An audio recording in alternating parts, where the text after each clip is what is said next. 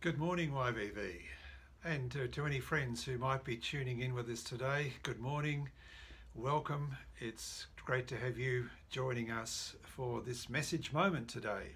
We've got a special thing we're doing today, still in the series of Let the Psalms Speak, but something special in uh, an interview that was done uh, some years ago.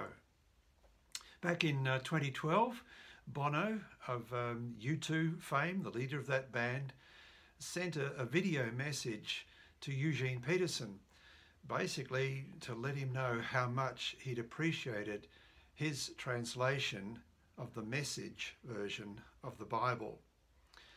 So he sent that off and said how appreciative he was.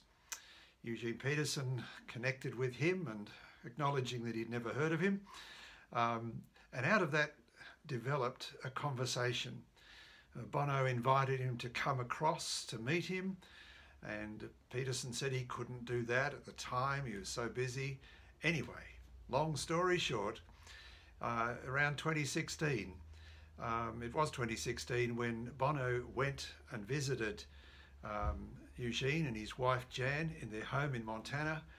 And there's this beautiful interview, a conversation uh, led by a professor uh, from Fuller University. So today we're going to listen in on that as our message moment today because it's all about the Psalms. It's all about letting the Psalms speak. So this is a, a special moment for us today to be able to uh, draw from the insights of um, two notable people. One of them, Eugene Peterson, has uh, gone home to be with the Lord just two years ago now, I think it was. But a, a great man of God, and there's a humility, a candour that comes.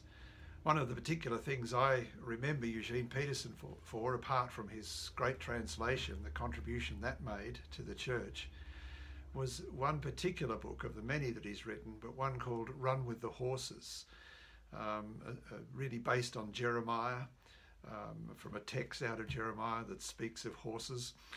Uh, and I think it was subtitled Long Obedience in the Same Direction. Always valued that book. Well, enough from me. It's time.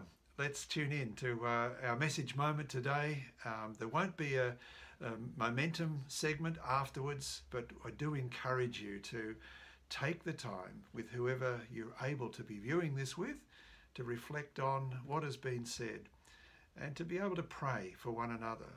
This is an important thing. We want to encourage you, our people, in that we respond to the Word of God, we listen to what He's saying, and we invite the Holy Spirit to minister to us. So, where you can, and if you can, why don't you spend a bit of time talking, reflecting, and then praying for, ministering to one another in prayer?